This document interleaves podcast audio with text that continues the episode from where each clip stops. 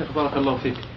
بالنسبة هناك بعض الفتانين فعلا يأتي مثلا للشيخ يسأله على بعض الكلمات من كتاب لشيخ ثاني ولا يذكر له اسم ذلك الشيخ.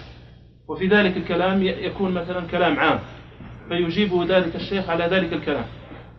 لكن هل يجوز للشيخ المسؤول أن يحذر من هذا الرجل من كلام هذا الرجل؟ هكذا بدون أن يعلم يعني من الكلام.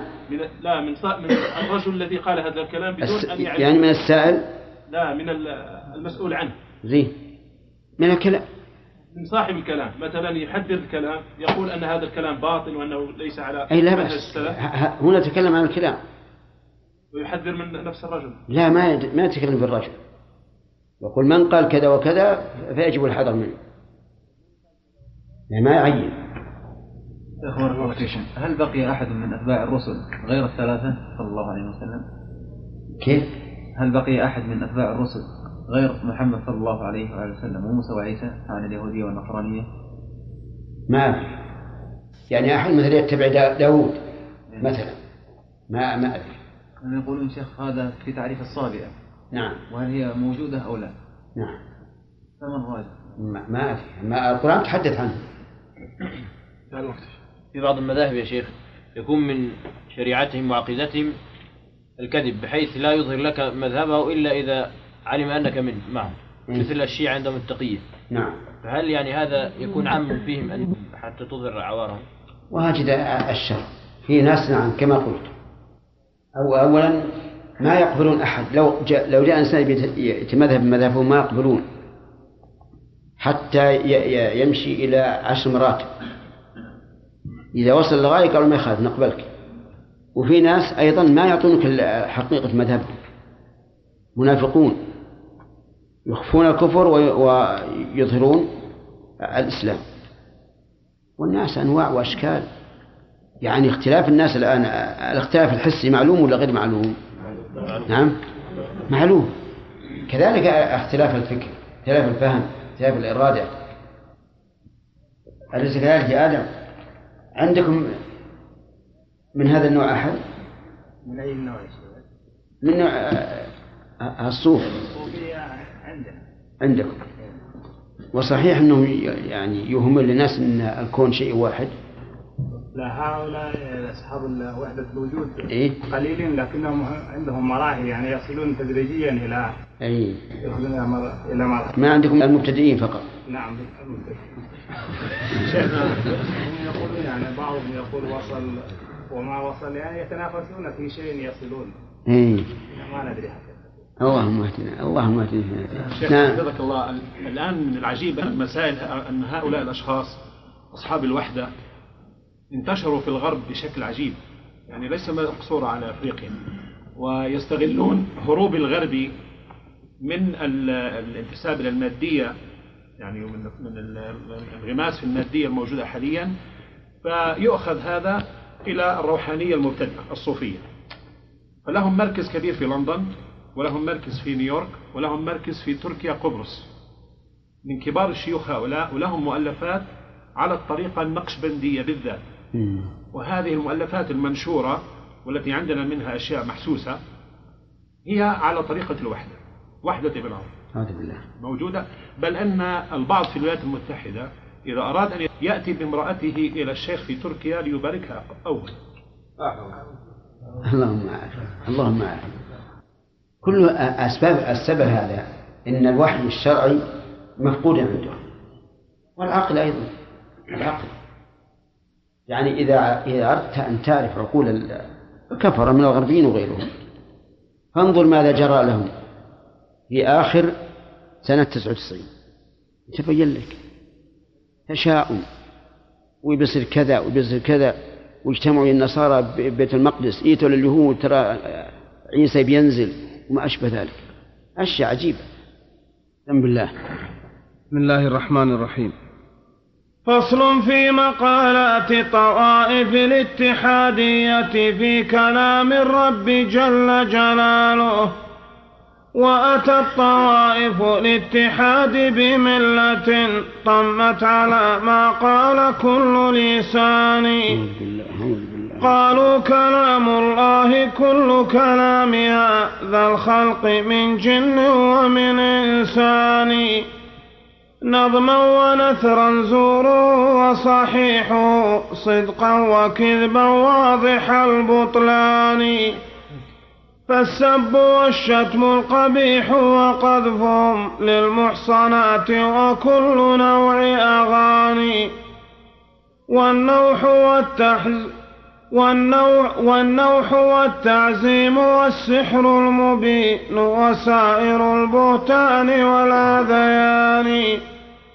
هو عين قول الله جل جلاله وكلامه حقا بلا نكران. هذا الذي أدى إليه أصل وعليه قام مكسح البنيان. إذ أصلهم أن الإله حقيقة عين الوجود وعين ذي الأكوان. أعوذ بالله. فكلامها وصفاته هو قوله وصفاته ما ها هنا قولان. وكذاك قالوا إنه الموصوف بالضدين من قبح ومن إحسان. وكذاك قد وصفوه أيضا بالكمال وضده من سائر النقصان. هذه مقالات الطوائف كلها حملت إليك رخيصة الأثان جزاه الله خيرا. وأظن لو فتشت كتب الناس ما ألفيتها أبدا بذا التبيان طيب. هذا المذهب الأخير مذهب أهل الاتحاد. يقولون كل كلام يقول شاعرهم وكل كلام في الوجود كلامه سواء علينا نثره ونظامه. كل الكلام كلام الله عز وجل. كل الأفعال أفعال الله.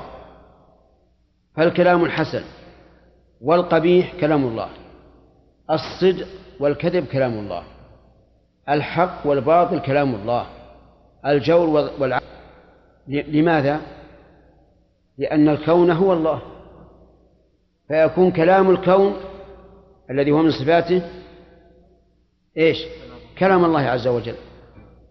هذا مذهب أهل الاتحاد. وهذا كما قال المؤلف طم على كل قول.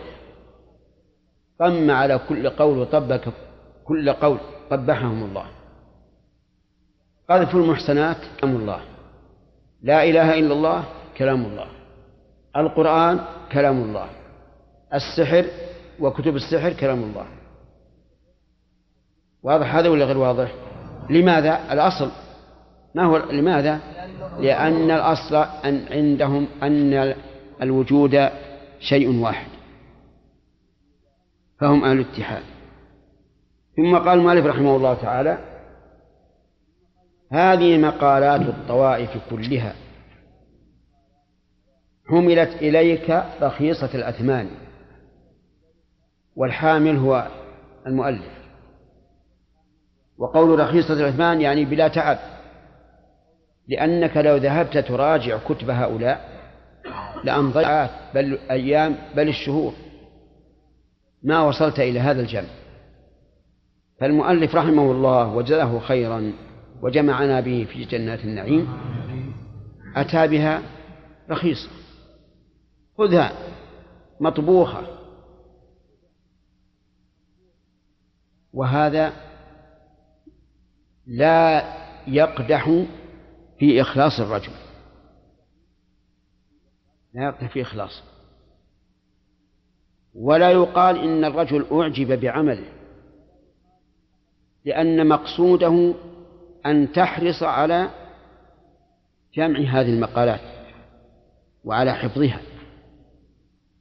وليس قصدها أن يدعو لنفسه رحمه الله. ونظير هذا قول عبد الله بن مسعود رضي الله عنه. لو أعلم أن أحدا تبلغه الإبل أعلم بكتاب الله مني؟ حلت إليه. ماذا ماذا يريد بهذا الكلام؟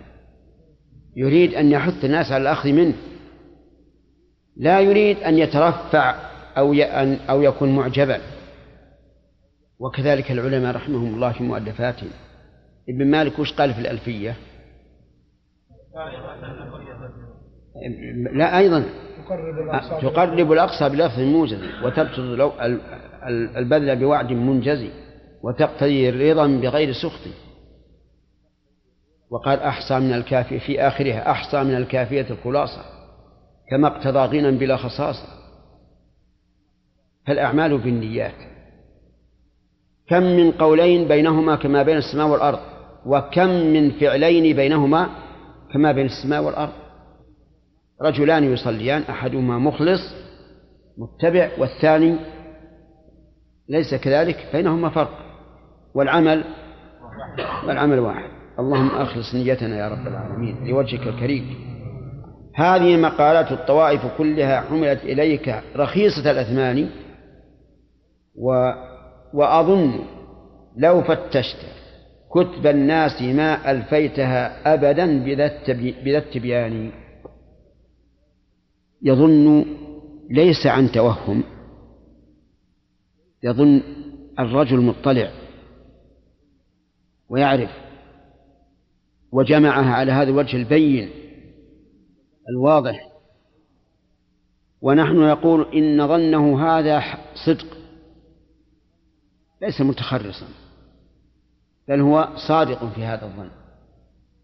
زفت إليك فإن يكن لك ناظر أبصرت ذات الحسن والإحسان فاطف على الجهمية المغل الأولى خرقوا سياج العقل والقرآن شرد بهم من خلفهم واكسو شرد بهم من خلفهم واكسرهم بل نادي في ناديهم بأذان. أفسدتم المنقول والمعقول والمسموع من لغة بكل لسان. أيصح وصف الشيء بالمشتق للمسلوب معناه لذي الأذهان. أيصح صبار ولا صبر له ويصح شكار بلا شكران. ويصح علام ولا علم له ويصح غفار بلا غفران. ويقال هذا سامع أو مبصر والسمع والإبصار مفقودان. نعم الآن المؤلف رحمه الله عطف على هؤلاء المبتدعة فبدأ بالجهمية لأن البلاء كل البلاء فيما يتعلق بالصفات منهم. الجهمية هم أتباع الجهم بن صفوان الذي تتلمذ على الجعد بن درهم. ويقال إن الجعد بن درهم تتلمذ على أبان بن سمعان وأبان تتلمذ على لبيد بن الأعصم اليهودي الذي سحر النبي صلى الله عليه وعلى آله وسلم. وإذا كان أصلها قول التعطيل من الجعد بن درهم فقد يشكل على الإنسان لماذا سميت هذه البدعة بدعة الجهمية مع أن الذي ابتدأها الجعد. فالجواب أن الجعد أسسها ولكن الذي نشرها بين الناس ودافع عنها ونظر عليها هو الجهم بن صفوان فنسبت البدعة إليه. وقيل الجهمية صار هو إمام الطائفة نسأل الله العافية. يقول رحمه الله فاعطف على الجهمية المغل الأولى الأولى بمعنى الذين والمغل لعلها مأخوذة من المغول الذين هم طوائف التتار والتتار أمة خبيثة سلطها الله عز وجل على العباد تسليطا عظيما جدا جدا ووقع منهم شنائع عظيمة على الإسلام وقتلوا أمما من المسلمين وعاثوا في الأرض فسادا حتى إن ابن الأثير رحمه الله في تاريخه تردد هل يذكر تاريخهم أو لا؟ لأنه تاريخ شنيع. لكن حملته الأمانة على أن يذكر التاريخ. التاريخ لا بد أن يذكر. وذكروا عنهم فضائل. من أراد أن يطلع عليها فليقرأ إما الكامل لابن الأثير الكامل في التاريخ أو البداية والنهاية لابن كثير. يتعجب ويقول سبحان الله العظيم. أن يسلط الله هؤلاء على على الناس. هذا التسليط العظيم. يقف الواحد منهم في رأس الشارع ويقول للناس اخرجوا. ثم إذا خرجوا يضع حجرا ويقول يلا. كل واحد يضع رأسه عليه والثاني يكسر رأسه. والناس مستسلمون. ألقى الله الرعب في قلوب الناس. ومسألتهم عظيمة سبحان الله العظيم. أن الله سبحانه وتعالى يسلط هؤلاء على الناس ولكن الحمد لله في النهاية انقرضوا. الظاهر أن المؤلف رحمه الله ما لم يقصد أن المغول هم الذين تزعموا هذه البدعة لكن هؤلاء أفسدوا في الأرض كما أفسد إيش؟ المغول. خرقوا سياج العقل والقرآن. السياج هو ما يحاط به المكان حتى لا يدخل منه أحد. ولا يخرج منه. هم خالفوا المعقول والمنقول. شرد بهم من خلفهم. يعني عاقبهم عقوبة حتى يشرد من كان خلفهم يخشى أن إيش؟ أن, أن يعاقب بهذا. وهذا كما جاء في القرآن. شرد بهم من خلفهم. عاقبهم عقوبة يشرد من خلفهم خوفا منها. شدد بهم من خلفهم.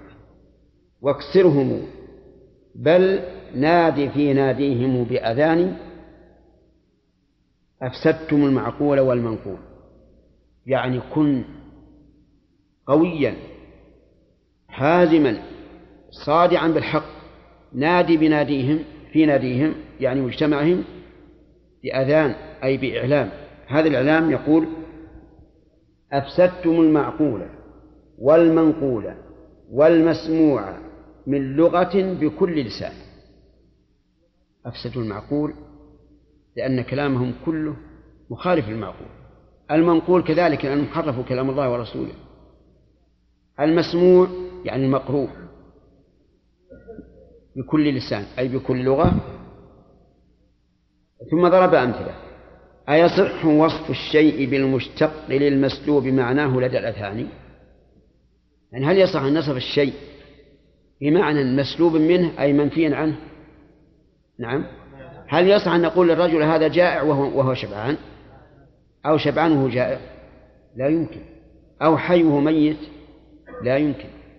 أو ميت وهو حي؟ لا يمكن.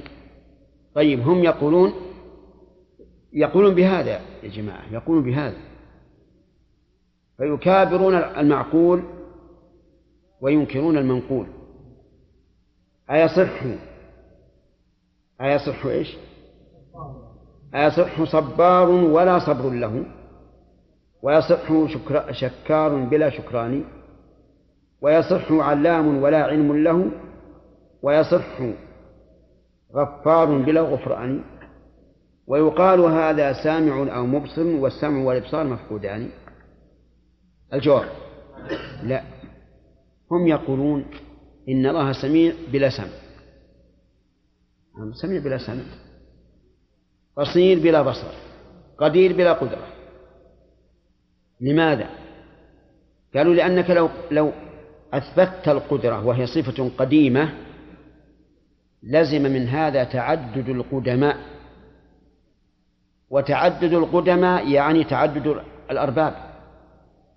لأن أخص وصف الإله عندهم هو القديم. القديم لا يوصف به إلا الله عندهم. فإذا قلت القدرة قديمة السمع قديم العلم قديم أثبتت قدماء كثيرين. وإذا كنت تنكر على النصارى أن قالوا بثلاثة فأنت قلت بآلاف. شوف العقلية كيف. فنقول نحن نثبت الصفة وهي معنى قائم بالموصوف وليس مستقلا بذاته. ولذلك لو أن أحدا سجد لصفة الله كفر. لو قال إنسان أنا بسجد لعلم الله لأنه علم عظيم. قلنا كفرت. لو دعا قدرة الله قلنا كفرت. كفر شرك أكبر. لو قال يا قدرة الله ارزقيني ولدا نقول كفرت. لأنك أثبتت ربا قادرا غير الله. لكن الصفة ليست شيئا قائما بنفسه بل هو قائم بغيره. ونقول لهم الآن أنت أيها الجهمي أنت فلان بن فلان. عندك علم؟ قال نعم. عندك سمع؟ عندك بصر؟ قال نعم. كم أنت؟ ها؟ على هذا التقدير أربعة. وأنت واحد. فإذا كان المخلوق يتحمل عدة صفات وهو واحد فكيف بالخالق عز وجل؟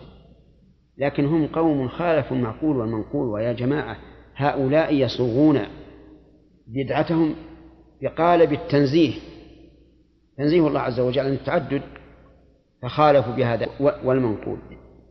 ويقال هذا سامع أو مبصر أو السمع والإبصار مفقودان.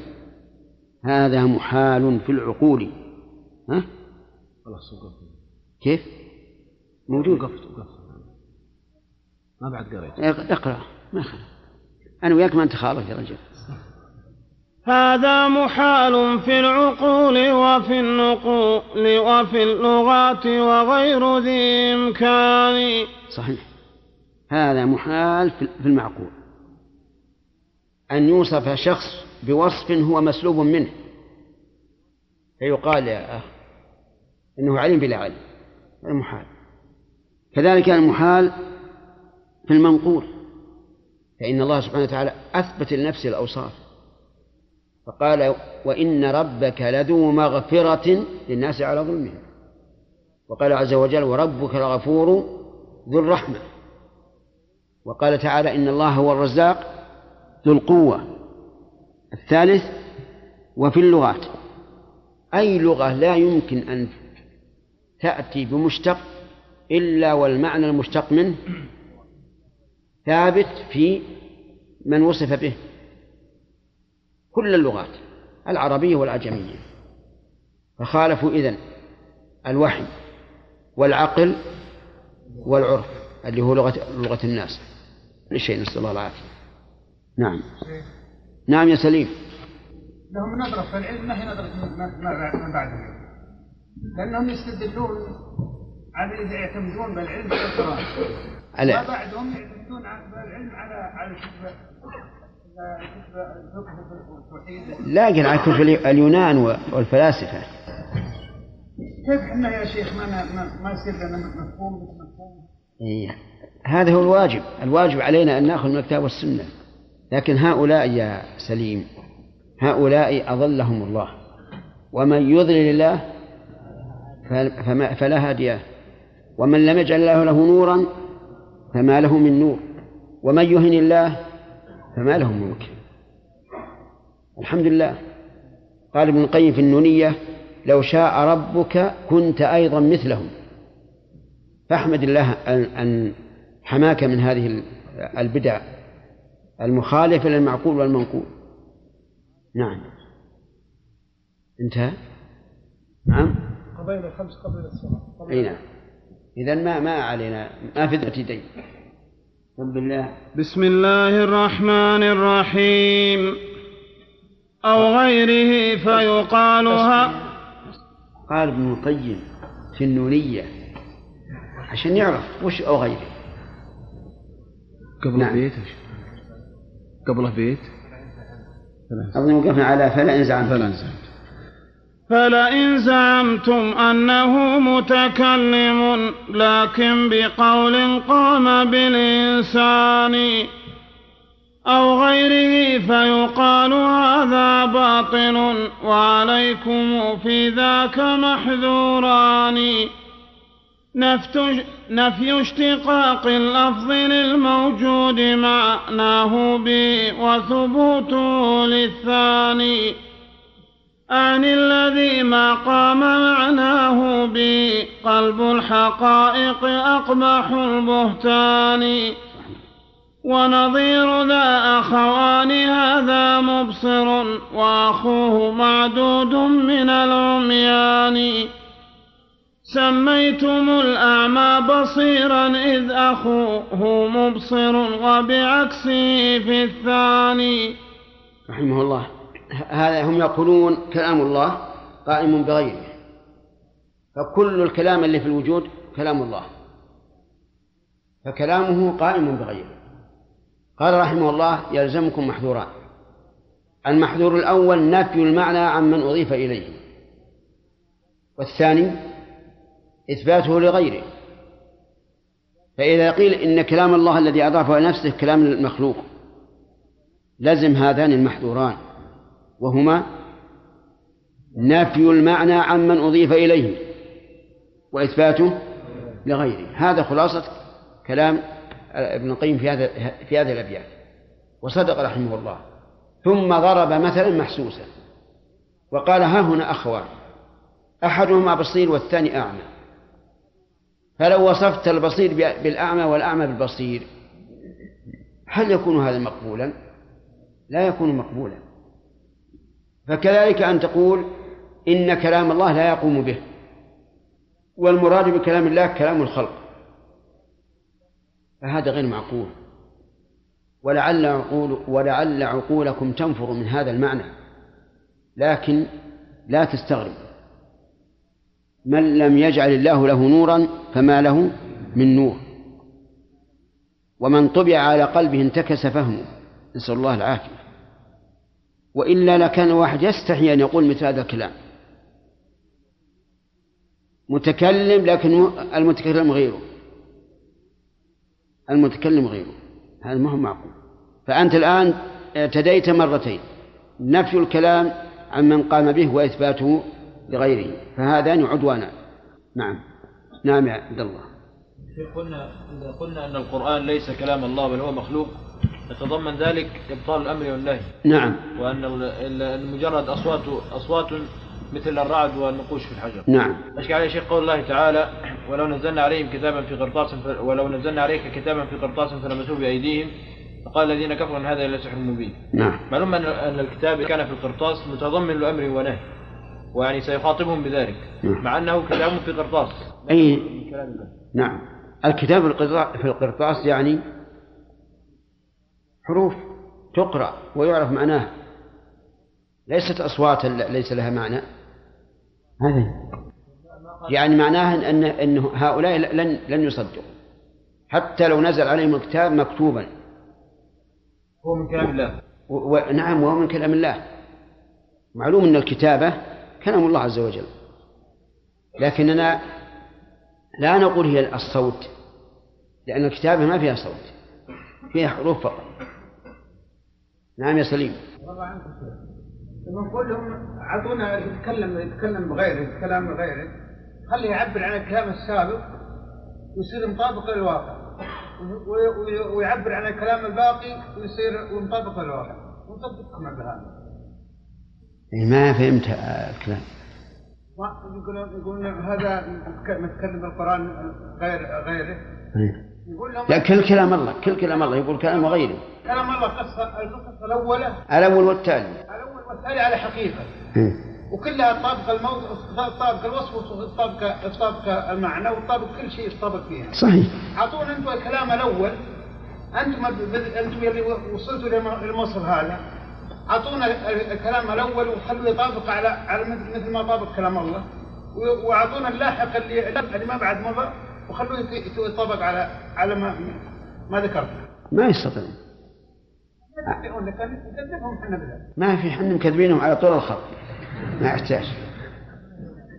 اللهم لك الحمد. الله يهدينا وإياهم. نعم. فلئن زعمتم أن ذلك ثابت في فعله كالخلق للأكوان والفعل ليس بقائم بنائنا إذ لا يكون محل ذي حدثان. محل, محل. والفعل ليس بقائم بنائنا إذ لا يكون محل ذي حدثان. ويصح أن يشتق منه خالق. ويصح. ويصح أعد. ويصح أن يشتق منه خالق فكذلك المتكلم الوحداني وفاعل لكلامه وكتابه ليس الكلام له بوصف معاني وم... ليس ليس. الكلام له. بوصف معاني نعم. صح ومخالف المعقول والمنقول والفطرات والمسموع للإنسان. من قال إن كلامه سبحانه وصف قديم أحرف ومعاني والسين عند الباء ليست بعدها لكنهما حرفان مقترنان. أو قال إن كلامه سبحانه معنى قديم قام بالرحمن. ما إن له كل ولا بعض ولا العربي حقيقته ولا العبراني والأمر الياء ما تشددها لأنك لو شددتها زاد. ولا العربي حقيقته ما إن له كل ولا بعض ولا العربي حقيقته ولا العبراني والأمر عين النهي واستفهام هو عين إخبار بلا فرقان. وكلامه كحياته ما ذاك مقدور له بل لازم الرحمن. هذا الذي قد خالف المعقول والمنقول والفطرات للإنسان. أما الذي قد قال إن كلامه ذو أحرف قد رتبت ببيان وكلامه بمشيئة وإرادة كالفعل منه وكلامه بمشيئة وإرادة كالفعل منه كلاهما سيان فهو الذي قد قال قولا يعلم العقلاء صحته بلا نكران. نرجع إلى كلام المؤلف رحمه الله. قال فلئن زعمتم أن ذلك ثابت. يعني أن الكلام وصف الله لكن المتكلم غيره.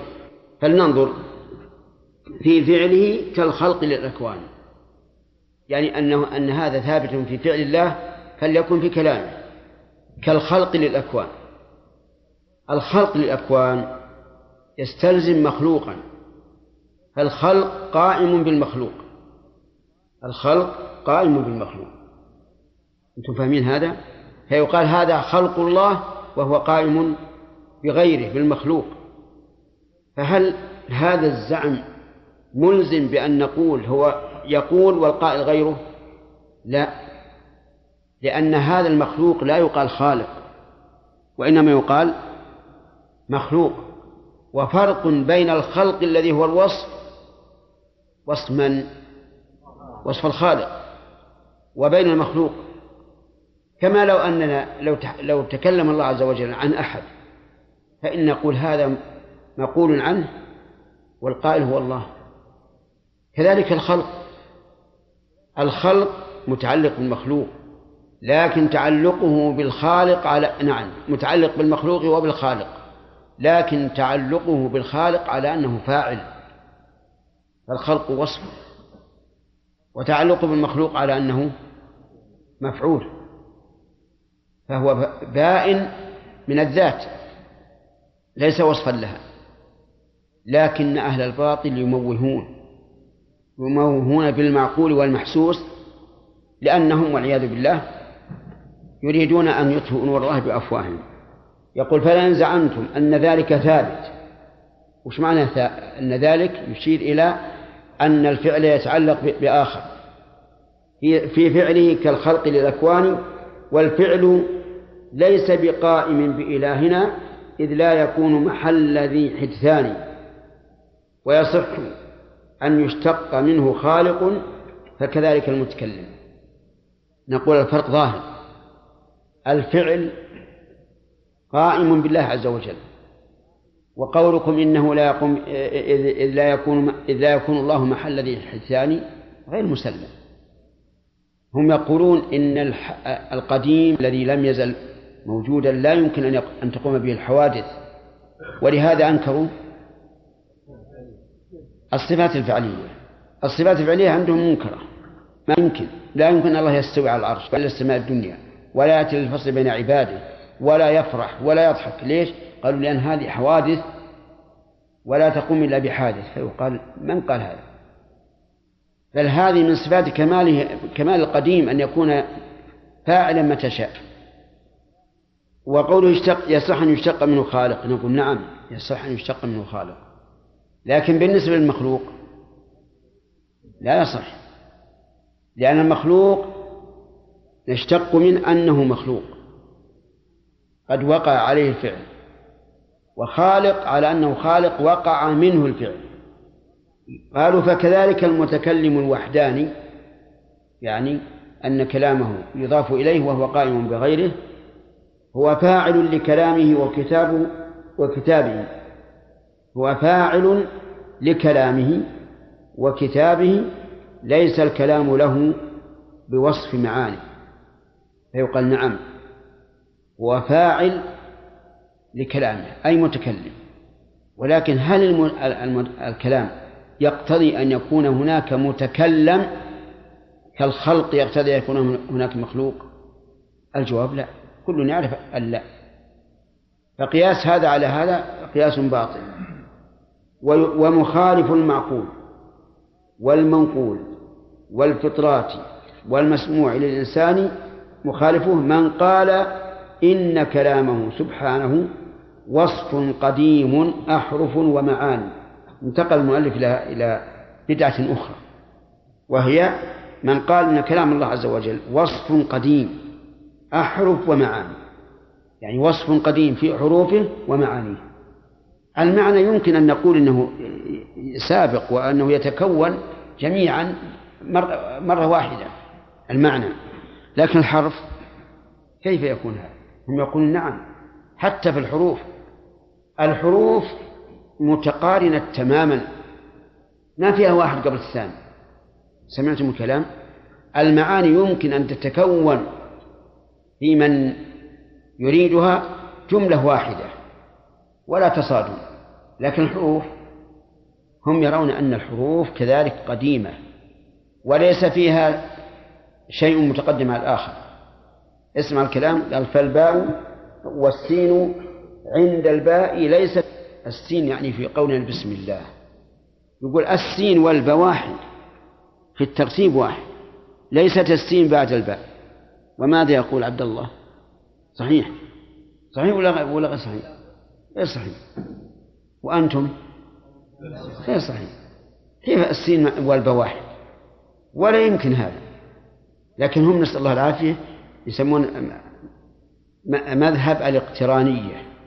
يعني يقولون الحروف مقترنة بعضها مع بعض ما فيها سابق على لاحق. كما أن معاني في ذهن المتكلم. نعم. لا مقترنة ما فيها شك. لكن الحروف لا يمكن. لكن هما حرفان مقترنان. أو قال إن كلامه سبحانه. معنى قديم قام بالرحمن. هذا أيضا مبتدع وهي بدعة ثالثة وهؤلاء هم الأشاعرة. يقولون إن الله لا يتكلم بحرف أبدا ولا صوت وإنما كلامه معنى قائم بنفسه. حقيقة الأمر أننا إذا قلنا بهذا القول لم نكن تعدينا أن الكلام هو العلم فقط لأن المعنى القديم القائم بالله عز وجل هو العلم. وأما الكلام فهو حادث. يتكلم متى شاء بما شاء كيف شاء. قال الله تعالى ما يأتيهم من ذكر من ربهم محدث إلا استمعوه وهم يلعبون. فالله عز وجل يتكلم متى شاء وانظر إلى قوله إنما أمره إذا أراد شيئا أن يقول له كن فيكون. وجميع الكون مراد له. فكل شيء يقع فهو مراد لله وكل مراد لله فهو واقع بإيش؟ بكلمة كن. ما أن ما أن له كل. هذا مذهب الأشاعرة. ما أن له كل ولا بعض ولا العربي حقيقته ولا العبراني. يعني أنك لا تقول كل القرآن أو بعض القرآن ما يمكن هذا. لأن لأن كلام الله ما له أول ولا آخر ولا كل ولا بعض. بل ولا ولا لغة. سبحان الله ولا لغة نعم.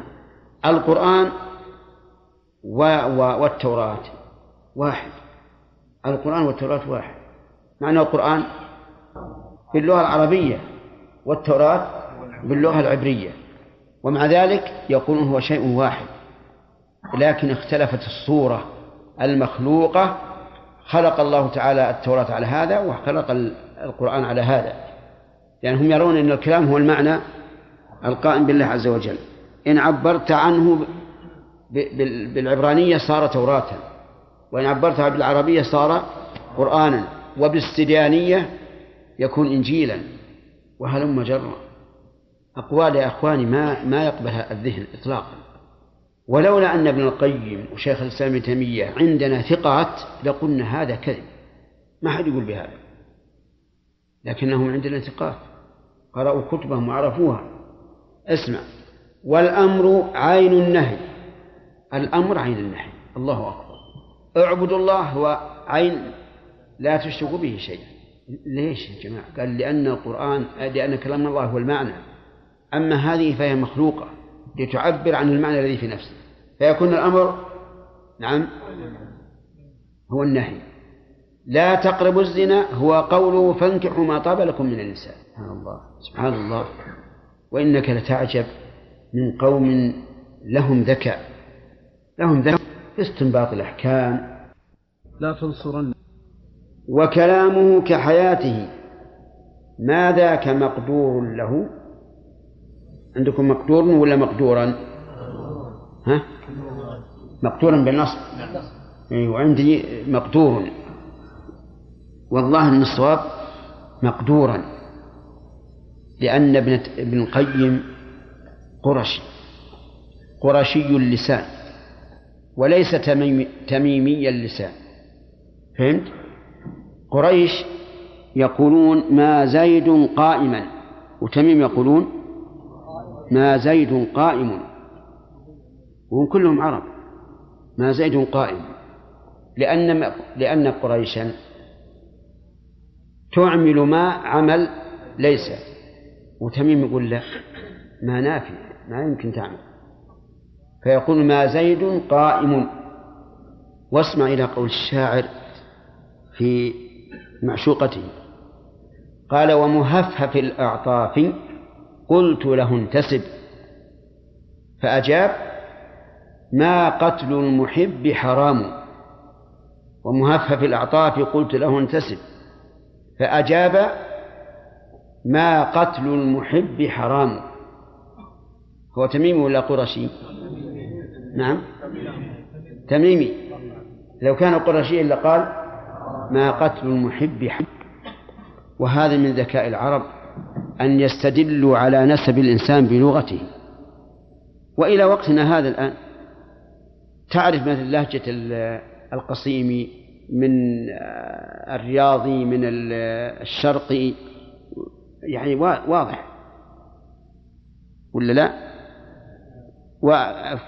فما فكما كان الأولون يعرفون باللهجات فنحن الآن نعرف اللهجات. نعم. الشاهد نرجع إلى كلام المؤلف رحمه الله. وكلا نعم وكلامه كحياته. ما ذاك مقدورا له؟ هذا هو الصواب.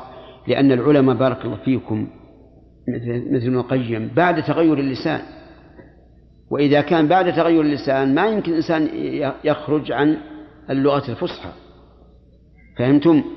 ولهذا لو لو قال واحد منكم ضربت الزيداني ضربت الزيداني قلت غلط. قال لا أنا على لغة من يلزم المثنى الألف. نقبل منه ولا ما نقبل؟ ما نقبل. نقول لو نجي لغتك أنت لغة عرفية ما تعرف رفع ولا نصب. فالمهم بعد تغير اللسان لابد أن يكون الكتابة والنطق العرب بل على لغة قريش خاصة. ولهذا جاء القرآن على لغة, من؟ قريش. قال الله تعالى ما هذا بشرا ما هذا بشرا طيب. كلامه كحياته. نسأل الله العافية. ليس مقدورا له. يعني ما يقدر يتكلم. الله ما يقدر يتكلم. ليش؟ لأن الكلام معنى قائم بنفسه لازم له. هل يقدر إن الله حاشاه وكلا؟ يموت؟ لا. هم يقولون ما يقدر يتكلم. لأن الكلام معنى قائم بالنفس أنتم فاهمين كلامي ولا؟ كذا؟ هذا هذا هذا هذا رأيهم في كلام الله. طيب وما سمعه موسى وما قال هذه أصوات خلق شوف والعياذ بالله. قالوا على الله بلا علم وخالفوا المعقول. لأن الإنسان يقول عفى الله عنهم فيهم أناس معروفون بالتقاء وإرادة الخير لكانت المسألة خطيرة جدا. هل يقدر أحد يقول الله ما يقدر يتكلم لكن هم يقول نعم ما يقدر يتكلم لأن الكلام هو المعنى القائم بنفسه لكن يقدر أن يخلق إيش؟ أصوات تسمع يعبر عما في نفسه. شوف التكلف. طيب نقف على هذا أظن انتهى الوقت. ليش غصب عليه هذا إجبار. ومن الإجبار أن أن يظهر لها العصا ويقول شوف إذا لم تفعلي فهذا يكسر عن ظهرك. نعم. يجيب الله من يساعده. صارت هي أقوى. بعد الأذان. إيه النونية نعم. بسم الله. بسم الله الرحمن الرحيم. الحمد لله رب العالمين والصلاة والسلام على نبينا محمد وعلى آله وصحبه أجمعين.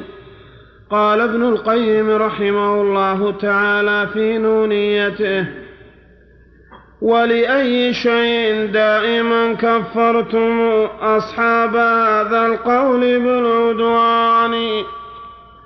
فدعوا الداوي. هذا هو ولا قبله؟ قال آخذ أو قال كذا أو قال إن كلامه سبحانه. إلى؟ طيب. هذا الذي قد خالف المعقول والمنقول والفطرات للإنسان. أما الذي قد قال إن كلامه طيب خالف المعقول. يعني هل يعقل أن يسمى كلاما وهو معنى قائم قائم في النفس؟ وهل يعقل أن يكون كلاما غير مترتب؟ ألب والسين والجيم كلها في آن واحد. هذا لا يعقل. وهل وهل هذا موافق للمنقول الكتاب والسنة؟ لا. هل هذا موافق للفطر؟ لا.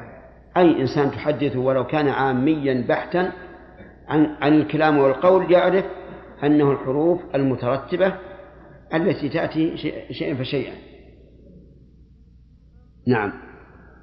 أما الذي قد قال إن كلامه ذو أحرف قد رتبت ببيان وكلامه بمشيئة وإرادة كالفعل منه كلاهما سيان.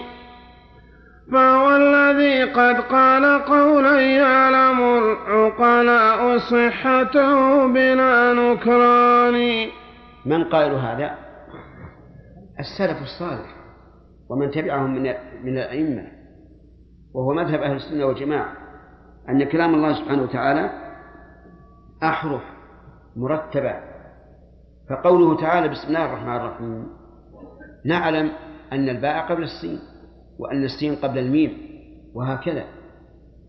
ثم نعلم أيضا أن الله لا مكره له وأنه يتكلم بما شاء يتكلم متى شاء وبما شاء وكيف شاء. وهذا والله تمام الربوبية والسلطان. أن يفعل ما يشاء وأن يقول ما يشاء. واضح يا جماعة؟ على أن القول في الحقيقة هو فعل. القول فعل. لأنه كلام مسموع وبحروف مرتبة فهو نوع من من الأفعال نعم. فلأي شيء كان ما قد قلب فلأي شيء كان ما قد قلتم أولى وأقرب منه للبران ولأي شيء دائما كفرتم أصحاب هذا القول بالعدوان. فدعوا الدعاوي وابحثوا معنا بتحقيق وإنصاف بعدوان نعم. تحقيق هو العلم. الإنصاف هو العدل. ولا يمكن أن يستقيم بحث إلا بهذين الأمرين. العلم والثاني الإنصاف والعدل. فالجاهل كيف يحكم بأن هذا صواب وهذا خطأ؟ والجائر لا يمكن أن يحكم إلا بما يرى أنه صواب وإن كان باطلا. فابن القيم يقول تعالوا نتحاكم وإياكم بالعلم والإنصاف العدل. نعم. وارفوا مذاهبكم وسدوا خرقا إن كان ذاك الرف في الإمكان. إن كان. وهل يمكن؟ رفض الخرق يعني خياطته حتى ينسد ومذاهبهم على هذا الوجه لا يمكن أن ترفع. ولا ولكن هذا من باب التنزل مع الخصم. وعند المخاصمة لا بأس أن يقول قولا غير مقبول. تنزيلا للخصم عن عليائه وكبريائه. قال الله عز وجل آه آلله خير أما يشركون. وهل هناك مفاضلة بين الله وشركائهم؟ لا. لكن نظرا لأنهم يعتقدونها آلهة نتكلم معهم بشيء ينزلهم إلى الأسفل. هكذا أيضا نحن مع هؤلاء المبتدعة نتكلم معهم نقول تفضل. نعم. الله بينهم فقد أدلوا إليك بحجة وبيان. لا تنصرن سوى الحديث وأهلي هم عسكر القرآن والإيمان.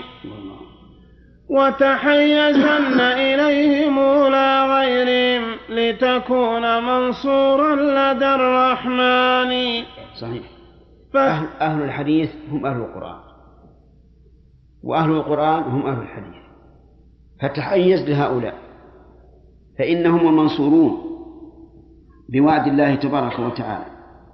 قال الله عز وجل إنا لننصر رسلنا والذين آمنوا في الحياة الدنيا ويوم يقوم الأشهاد. ونصر الله تبارك وتعالى للرسل أو أو لأتباعهم المؤمنين. لا يلزم أن يقع في حياة الرسول أو في حياة المؤمن. بل قد يكون نصره بعد موته بنصر طريقه واتباع الناس له. هذا نصر. فمثلا الآن؟ اتباع كثير من الناس من طلبة العلم المحررين. لما لما يقول الشيخ الإسلام رحمه الله. هل هذا نصر للشيخ الإسلام أو لا؟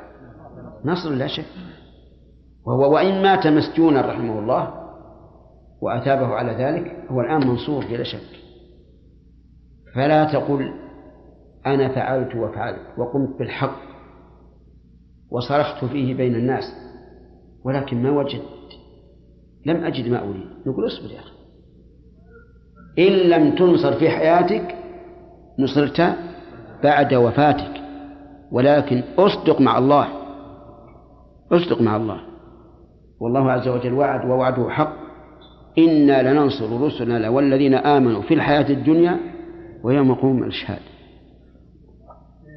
نعم يا سليم. جروا على تنقص الله سبحانه وتعالى مثل ما جروا على هذا الكلام؟ من؟ الكفار. أهل الكتاب. قالوا أن الله ما يسمع ولا يبصر ولا مثل الأمور هذه قالوا هي كفار الشيخ ما يحضرني الآن. لكن يمكن بعضهم يقول هذا أليس الله قال يستخفون من الناس ولا يستخفون من الله وهو معهم لكن هذا في المنافقين. وقال عز وجل أم يحسبون أنا لا نسمع سرهم ونجواهم؟ بلى. ورسلنا لديه مكتوبون. لا يا شيخ المشكلة والله لو لو سمعنا قال والله سبحانه وتعالى الانسان يعز علينا ما نرضى يا شيخ. كيف يقصون الله الله سبحانه وتعالى بالتنقص هذا؟ وحنا وحنا نغار على ون على المشايخ لو ان واحد من مشايخنا بيتنقصون كذا قهدناهم إحنا بالجسم أحمد ربك يا عيسى. أي. أحمد ربك من لم يجعل الله له نورا فما له من نور. شغلهم يا شيخ هذا شغلهم مو بزين. فتقول هذا القدر قد أعيانا أهل الكلام وقاده أصلان إحداهما هل فعله مفعول أو غيره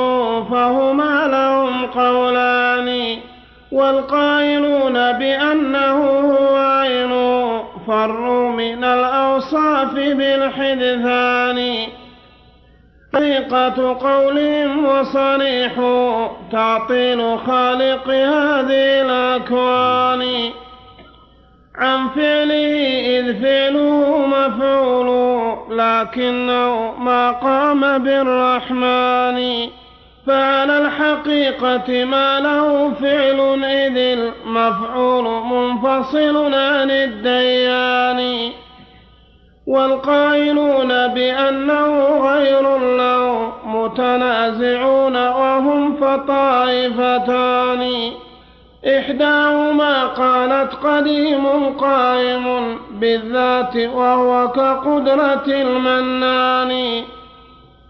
سموه تكوينا قديما قالوا أتباع شيخ العالم النعمان وخصومهم لم ينصفوا في ردي بل كابروهم ما أتوا ببيان والآخرون رأوه أمرا حادثا بالذات قام وإنهم نوعان إحداهما جعلته مفتتح إحداهما مفتتحا به حذر التسلسل ليس ذا إمكان.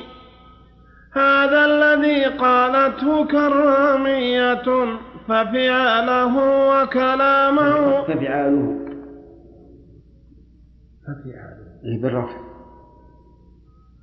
هذا الذي قالته كرامية ففعاله وكلامه سيان والآخرون أولو الحديث كأحمد ذاك ابن حنبل الرضا الشيباني. رحمه الله. قد قال إن الله حقا لم يزل متكلما إن شاء ذو إحسان. جعل صفات فعل قائم بالذات لم يفقد من الرحمن. وكذاك نص على دوام الفعل بالإحسان أيضا في مكان ثاني. وكذا ابن عباس فراجع قوله لما أجاب مسائل القرآن. وكذاك جعفر الإمام الصادق المقبول عند الخلق ذو العرفان. قد قال لم يزل المهيمن محسنا برا جوادا عند كل أوان وكذا الإمام الدارمي فإنه قدمي الدارمي. نعم. وكذا الإمام الدارمي فإنه قد قال ما فيه هدى الحيران. قال الحياة مع الفعل كلاهما متلازمان فليس يفترقان. صدق الإمام فكل حي فهو فعال وذا في غاية التبيان. إلا إذا ما كان ثم موانع من آفة أو قاصر الحيوان. والرب ليس لفعله من مانع ما شاء كان بقدرة الديان. ومشيئة الرحمن لازمة له وكذاك قدرة ربنا الرحمن. هذا وقد فطر الإله عباده إن المهيمن دائم الإحسان أن المهيمن. هذا وقد فطر الإله عباده أن المهيمن دائم الإحسان أولست تسمع قول كل موحد يا دائم المعروف والسلطان. وقديم الإحسان الكثير ودائم الجود العظيم وصاحب الغفران. من غير إنكار عليهم فطرة فطروا عليها لا تواص ثاني. أوليس فعل الرب تابع وصفه وكماله أفذاك ذو حدثان؟ وكماله سبب الفعال وخلقه أفعالهم سبب الكمال الثاني. أو ما فعال الرب عين كماله أفذاك ممتنع على المنان. أزلا إلى أن صار فيما لم يزل متمكنا والفعل ذو إمكان. تالله قد ضلت عقول القوم إذ قالوا بهذا القول ذي البطلان. ماذا الذي أضحى له متجددا حتى تمكن فانطقوا ببيان؟ والرب ليس معطلا عن فعله بل كل يوم ربنا في شان اللهم اهدنا يا رب العالمين والأمر والتكوين وصف كمال مع فقد ذا ووجوده سيان. وتخلف التأثير بعد تمام موجبه محال ليس في الإمكان. والله ربي لم يزل ذا قدرة ومشيئة ويليهما وصفان. العلم مع وصف الحياة وهذه أوصاف ذات الخالق المنان. وبها تمام الفعل ليس بدونها فعل يتم بواضح البران. فلأي شيء قد تأخر فعله مع موجب قد تم بالأركان. ما كان ممتنعا عليه الفعل بل ما زال فعل الله ذا إمكان. والله عاب المشركين بأنهم عبدوا الحجارة في رضا الشيطان ونعى عليهم كونها ليست بخالقة وليست ذات نطق بيان. فأبان أن الفعل والتكليم من أوثانهم لا شك مفقودان.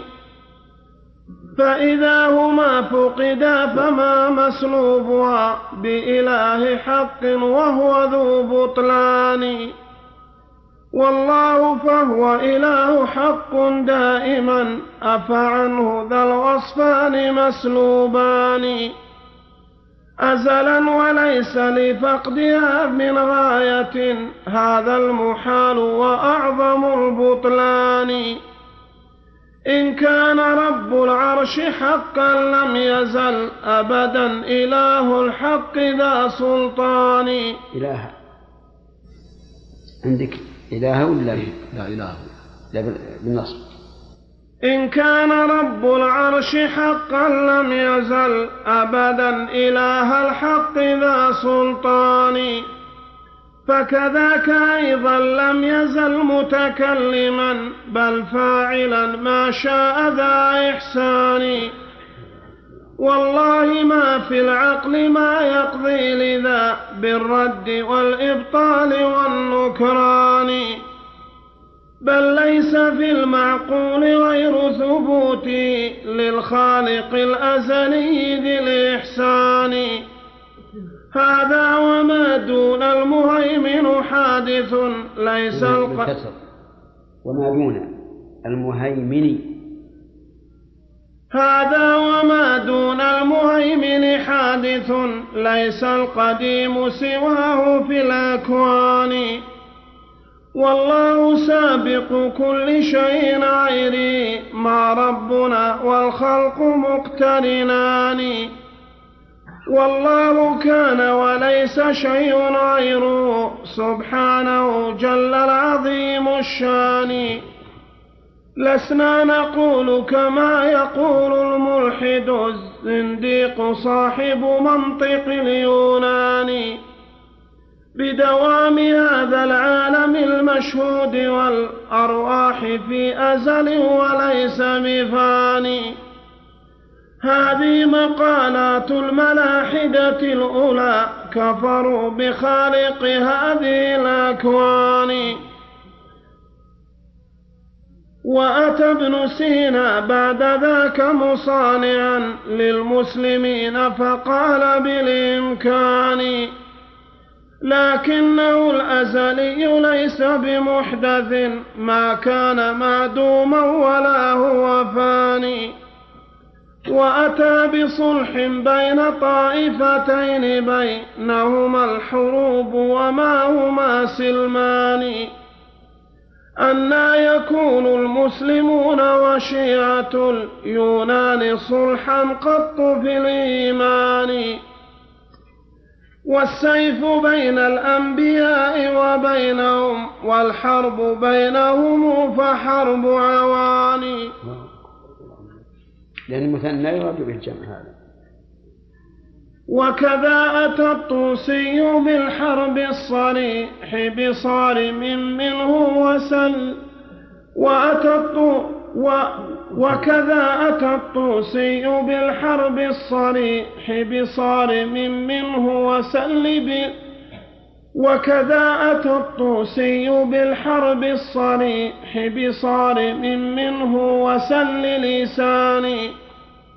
وأتى إلى الإسلام يهدم أصله من أسه وقواعد البنيان. عمر المدارس للفلاسفة الأولى كفروا بدين الله والقرآن. وأتى إلى أوقاف أهل الدين ينقلها إليهم فعل ذي أضغان. وأراد تحويل الإشارات التي هي لابن سينا موضع الفرقان. جزاه الله صلى بجزيه بما يستحق. نعم. وأراد تحويل الشريعة بالنواميس التي كانت لذي اليونان. عندي لدى لدى لدى اليونان. وأراد تحويل الشريعة ب... الشريعة والشريعة نعم. الشريعة ولا الشريعة. لا بالكسر كما قلت. وأراد تحويل الشريعة بالنواميس التي كانت لدى اليونان. لكنه علم اللعين بأن هذا ليس في المقدور والإمكان. إلا إذا قتل الخليفة والقضاة وسائر الفقهاء في البلدان. فسعى لذاك وساعد المقدور بالأمر الذي هو حكمة الرحمن. فأشار أن يضع التتار سيوفهم في عسكر الإيمان والقرآن.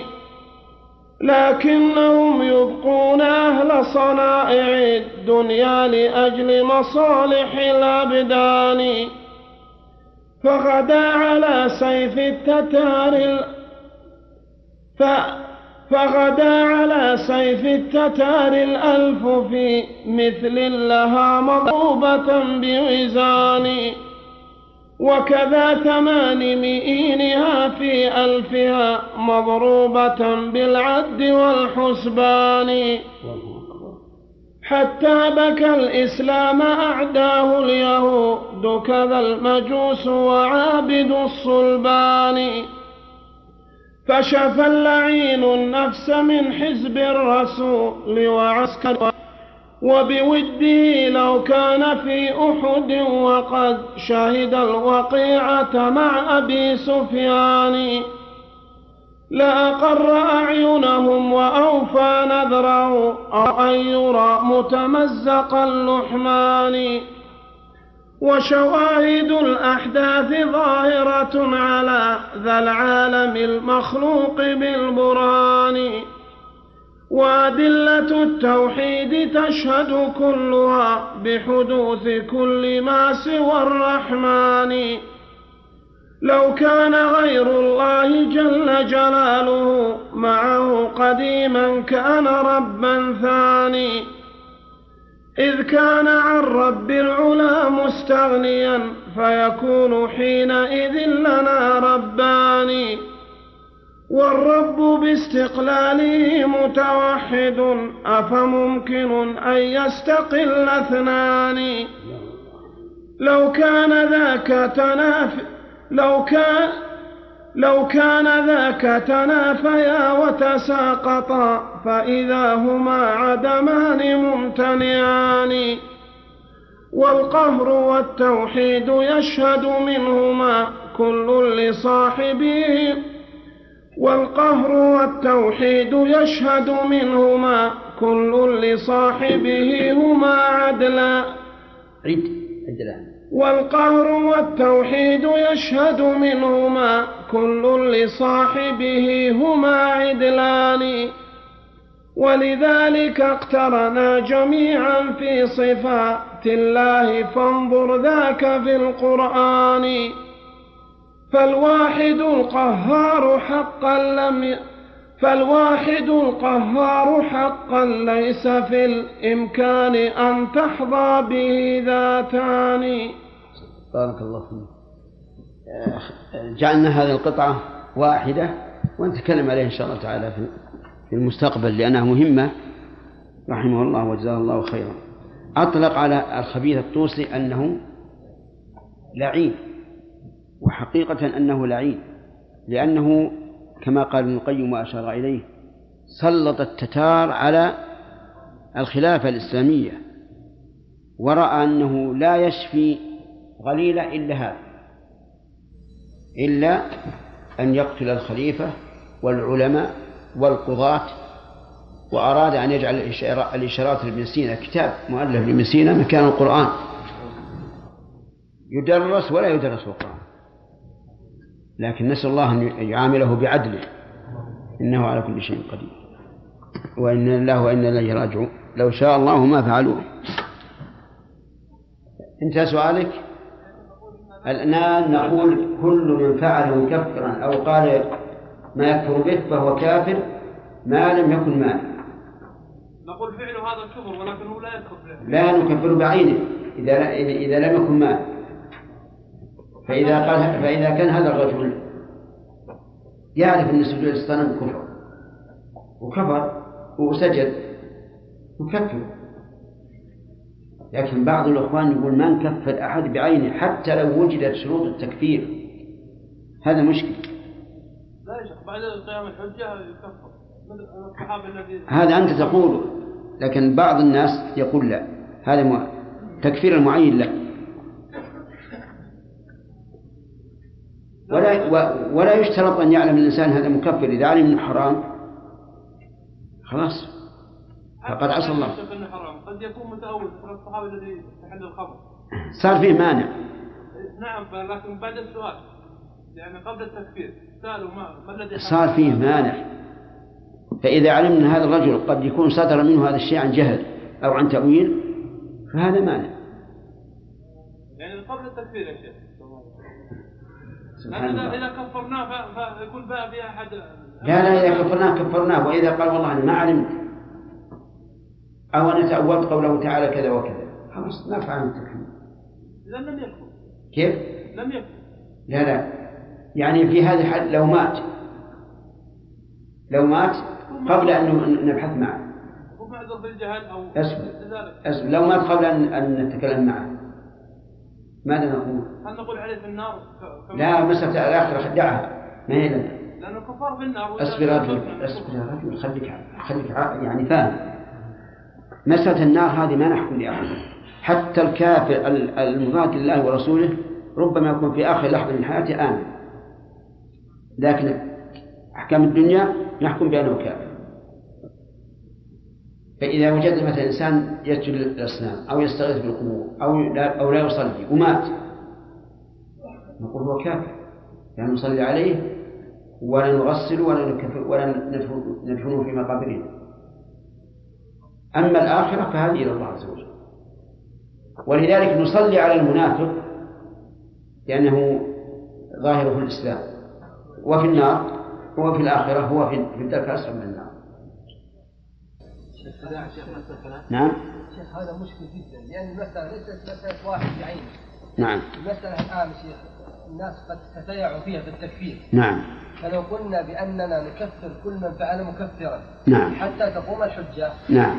تعذر على يعني 99% ممن يفعلون الكفر إقامة الحجة عليهم لأنه للناس لا يصلون إليه وخص بالذات الحكام. نعم.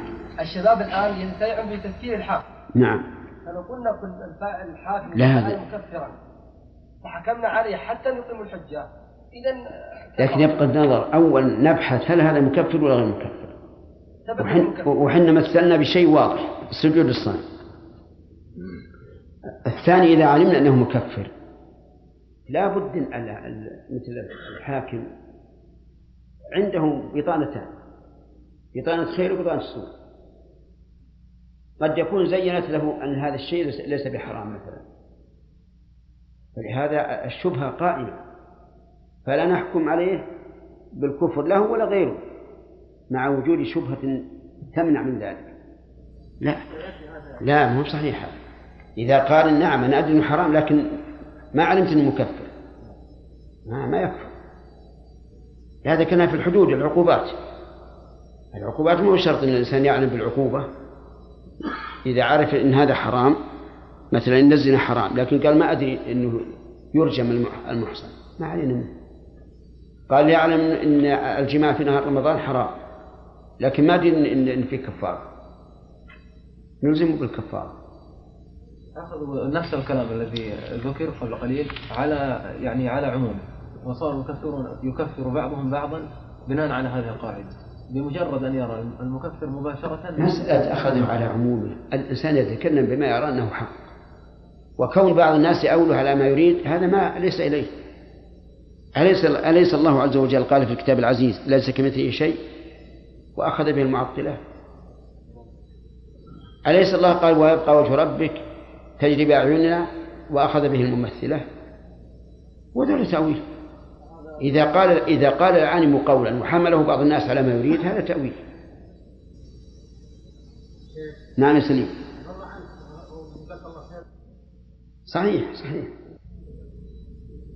نعم. ما المحذور في أن نقول أن الفعل كفر لكن ننتظر حتى نقيم الحجة على على الفاعل المحذور إن ذولا يقولون لو لو أن إنسانا مات وهو لا يصلي. مات وما يصلي؟ يجب أن نصلي عليه ون- ون- ونعامل معاه معاملة المسلم. لأنه يقول التكفير المعين مستحيل. لأن كل إنسان يحتمل أن يكون له وجهة نظر.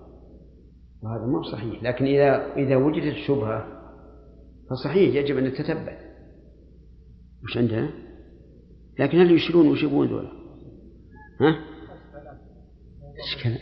نعم نعم الله يكفي لو تعذر إقامة الحجة يعني كان الرجل ذا منصب أو جاه ولم يكن في البلد عالم أو طالب علم يبين الحق نعم. هل يتوقف؟ يعني يسكت لا يكتب كتابه ويرسله بالبريد. ويؤيدها بأقوال العلماء محترمين عند ال- الرجل الذي فعل المكفر وتقوم الحجة. أما يجي واحد كوعه من كسوعه هذا ما هو مقبول. نعم يا جمعة ما الضابط في إقامة الحجة.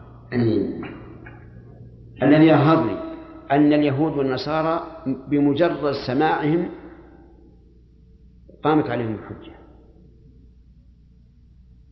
لأن الله عز وجل يقول لأن النبي صلى الله عليه وسلم قال والذي نفسي بيده لا يسمع بي أحد من هذه الأمة يهودي ولا نصراني ثم يموت ولم يؤمن بما جئت به إلا كان من أصحاب النار.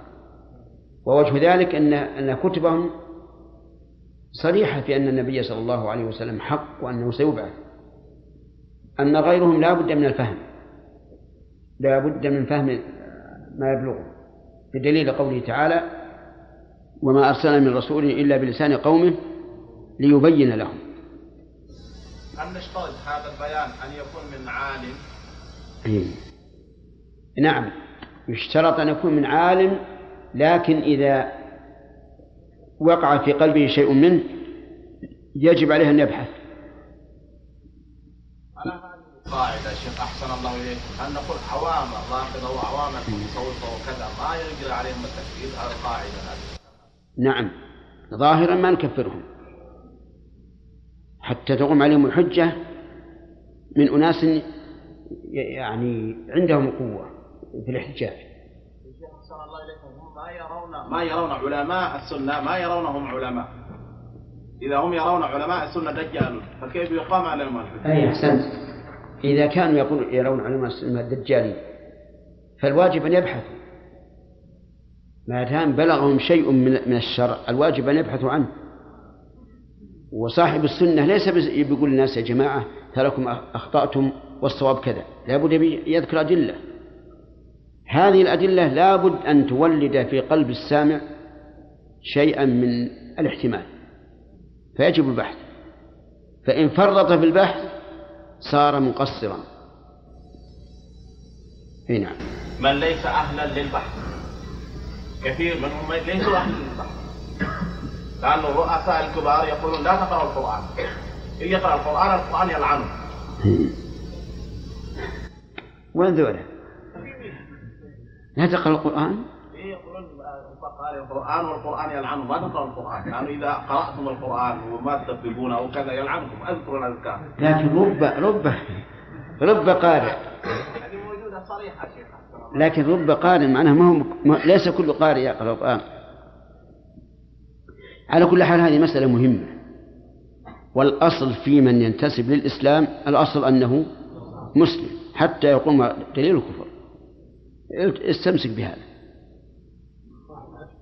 ها؟ عشر. هذا آخر سؤال. قررنا فيما سبق أنه لا يجوز المعين. نعم. شلون؟ لا. بالتعيين ما يجوز. لأن الرسول عليه الصلاة والسلام لما صار يلعن معينين نهاه الله عن هذا. إيه نعم. ربما أنه يعي- يعينه. إذا كان قد مات على على شيء يوجب اللعنة يمكن. وأيضا فعل, العلماء مو بحجة حجة بما قال الله ورسوله. وش الفائدة من هذا؟ أرد عليه بدون لعن. أنت ما ترد بلعن؟ الملعون اللي قال سذة الملعون اللي فعل كذا. ما هم مقابلين ردك أبدا. إيه. نعم. اي نعم. أنا قلت لكم أحيانا يكون الإنسان مع ال- ال- الانفعال قد يطلق كلمات وعند التأمل قد لا يطلقها. لا أنا ما أرى هذا. أنا ما أرى هذا وإن كنت أرى أن إن الطوسي إنه لعين بلا شك. إيه. الحقيقة يا أخوان وش الفائدة من اللعن؟ وقد يريد ابن القيم باللعين البعيد يعني عن عن رحمة الله وعن رضا الناس له له لأن الرسول قال لعن الله من لعن والديه. فقالوا يا رسول الله كيف يلعن والديه؟ قال يسب أبا الرجل فيسب أباه. فجعل السب لعنا. آه، نعود إلى إلى إلى النونية من منين؟